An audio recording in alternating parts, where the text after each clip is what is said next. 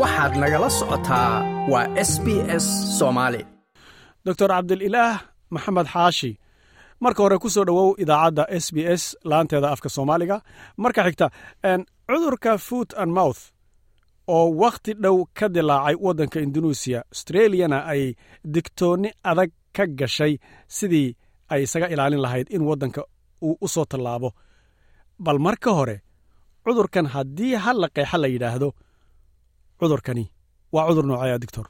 Aad baad umahadsan tihiin s b s laanta af soomaaliga cudurkan foot and mouse disease. Hadday noqoto inaan qeexino horta waa cudur xoolaha ku dhaca oo oo cudurrada viruska ee xoolaha ku dhaca. Cudur ka mid ah weeye waana cudur faafa oo faafistiisu ay si deg dega u faafa. Sida waxaa lagu mataali karaa hadda covid nineteen noociisa omicron la yidhaahda ee aada u orda sidiisa ayuu u faafaa. Marka ereygan food and mouse disease ah waa waa waa cudur afka iyo iyo maxaa la dhihi jiray lugta. Calaamadihiisa laga arko. Af haddaan soomaaliyeenana waxaa cudurkan la yidhaahdaa af soomaaliga lagu dhahaa. Xoolaha lo-du ku dhacaa iyo ariga iyo duurjoogta wuu ku dhacaa waxaa la af soomaaliga lagu dhahaa cabeeb ama waxaa la dhahaa raafdilaac marka intaas baan ku qeexi karnaa cudurka calaamadihiisa iyo waxay yihiin iyo dabcan su'aalaha dambe. Ayaan gudaha u gelaynaa haddii ay jiraan. Aad iyo aad doctor midda xigta cudurkan maadaamaad cabeebna ku sheegtay raafdilaacna aad ku sheegtay saamayntiisu maxay tahay? Markii uu xoolaha qabto saamayntiisu dhankay ka imanaysaa? Cudurkani wuxuu horta si aada ha ugu dhacaa oo lagu yaqaanaa lo-da ariga riyaha yeedaha iyaga uu ku dhacaa duurjoogtana wuu ku dhacaa noocyada kala duwan ah doofaarka ay dadkan kale ee reer galbeedka dhaqdaanna wuu ku dhacaa doofaarka ay dhaqdaan iyo kan kale duurjoogta labada wuu ku dhacaa. Marka xagga lo-da markaan u leexano lo-da wuxuu ku keenaa cudurkani marka ugu horeysa qandho fara badan oo forty degree kor u dhaafta ayuu ku keenhayaa muddo wiig gudihiisa ah waxaa lagu arkahayaa neefkii afka bishimaha iyo carabka iyo afka iyo hareerihiis intaas oo dhan nabaro ayaa ka soo baxaya xanuun badan oo kuuskuus ah. Marka ereyga cabeebka halkaas ka socdaa nabaradaas ka soo baxaya xanuunka leh oo afka ka soo baxaya iyo kuwa lugaha ka soo baxaya.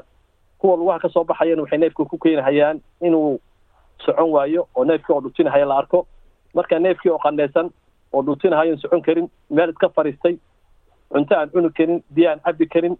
Marka markii wuxuu ku keenaya neefkii tabardaro fara badan ayuu ku keenahayaa faafistiisuna aad bay mataqaanaa. Ay u dheer tahay oo si deg deg u faafahayaa xoolaha meelaha joogo dhan isagoo gaarahaya ama hadday ahaan lahayd markay isku neefsadaan ama dadka ka shaqeynahaya baabuurta soo martay waxaas iyo raadkii taayarada iyo ay ku qaadaan.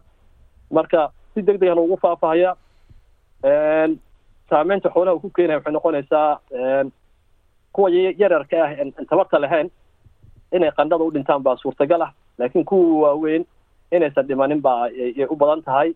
Laakiin caano soo saaridoodii iyo dhagortii ay ay soo saarahayeen ida hadday yihiin iyo hilibka laga cunahaya intaba tayadiisu hoos bay udhacaysaa marka waa cudur xoolaha xanuunka ku keenhayo badanaa wadamadan horu maray ee xoolaha dhoofiya. Markuu soo galo ku keeni kara dhaqaalo burbur aada u fara badan. Marka qayladhaankiisu hadda australia ay ka baqayso waa mid la xiriirta dhaqaalo burbur inuu ku keeno oo intuusan ku keenin in laga hortaga ay tahay. Aada iyo aad doctor. Midda kale xoolihii bani aadan baa ku nool.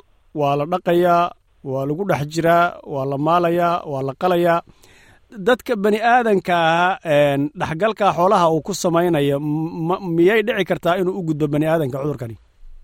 Xagga cudurrada marka laga hadlahayo cuduro xoolaha keliya ku dhaca kuwa dadka keliya ku dhaca iyo kuwa xoolaha iyo dad dad ay u gudbiyaan dadka intuu way jiraan. Marka cudurkan cabeebka ama raafdilaaca ama food and mouth disease ama aan dhahano qolyihii talaaniga wax ku bartay after episodka ay ugu yeeri jireen. Dadka wax saameyn ah kuma laha. Dadka wax saameyn ah kuma lahan oo noocnaba ah. Waa laga yaabaa in virusku mararka qaarkood uu u soo gudbo laakiin wax xanuun ah iyo waxba waxba kuma keeno. Dadkuse waxayba ka qayb qaataan baba dadku inayba inay dadku iyaga ay viruska intay ka qaadaan ay haddana ay xoolaha kale gudbintiisa qayb ka mid ah oo xoolaha ay ku faafiyaan ayay waddadu dadku u maro ayay ka mid tahay inuu u gudbo xayawaanka. Laakiin xoolaha waxba kuma keeni karo.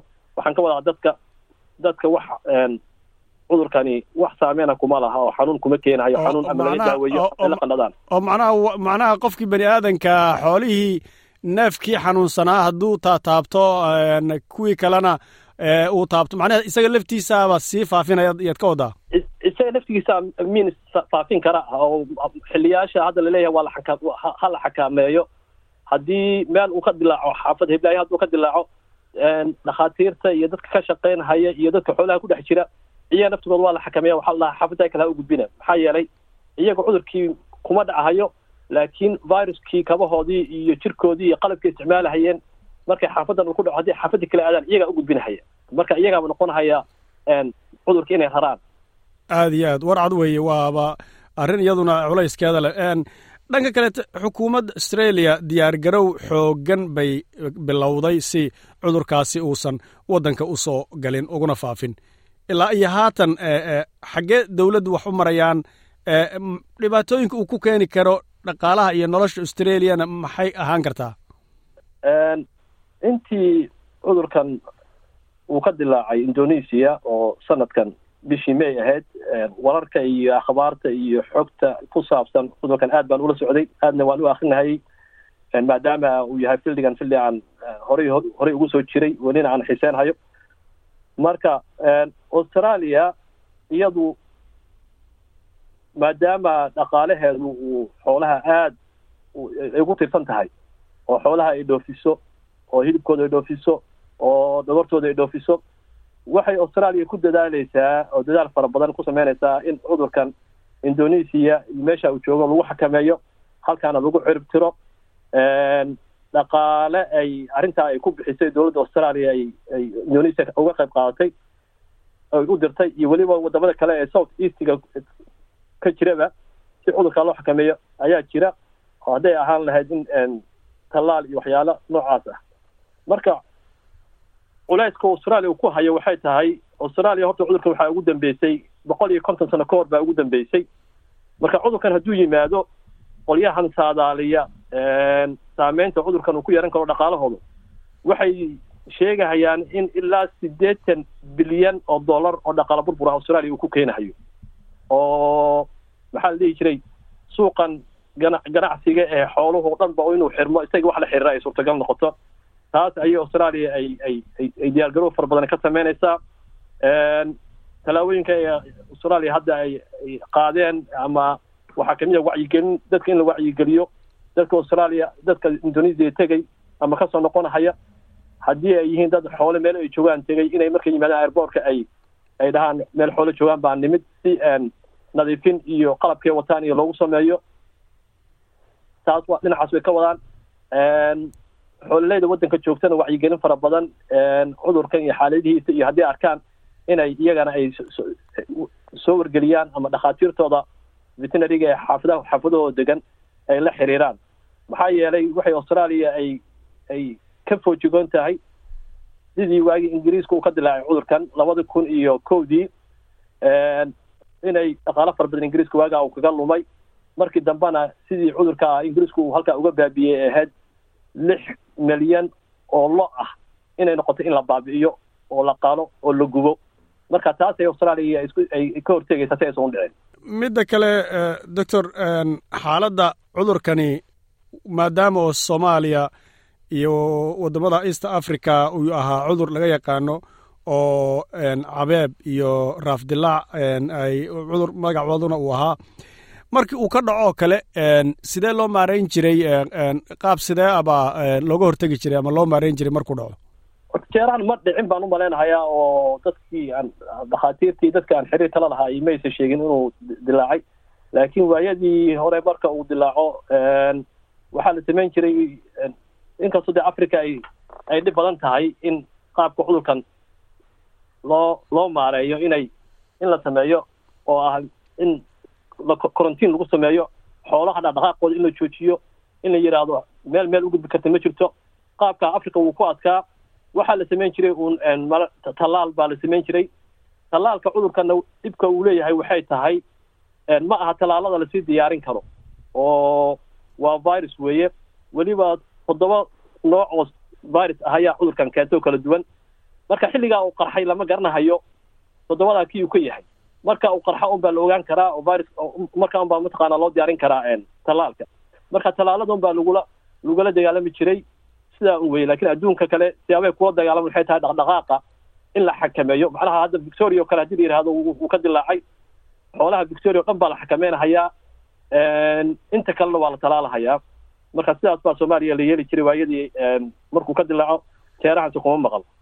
Cudurkan ugu dambaynta wax laga hortegi karo oo masalan saa saantiisa ama la fahmi karo ama xiliyo uu yimaado ama sida australia oo kale hadduu dowlad agtaadaha ka dilaaco waxa la samayn karo oo kale ma jiraan wax tallaabooyin oo qofkuu qaadi karo ama dowladduba tallaabooyinka oy dowladda iyo xool xoolo dhaqatada iyo ay qaadaan waxay tahay un in la ogaado calaamadaha cudurkan in dadka la baro.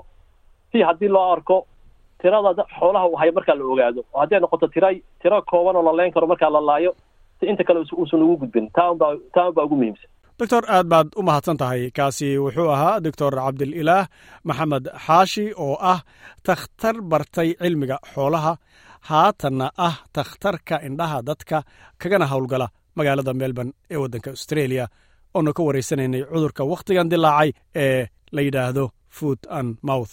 Waad mahadsan tahay doctor. Adaa mudan aad baad mahadsantihin s b s. Laanta soomaaliya ma doonaysaa sheekooyinkan oo kale. Ka dhegayso apple podcast google podcast spotify ama meel kasta oo aad bodkastigaaga ka hesho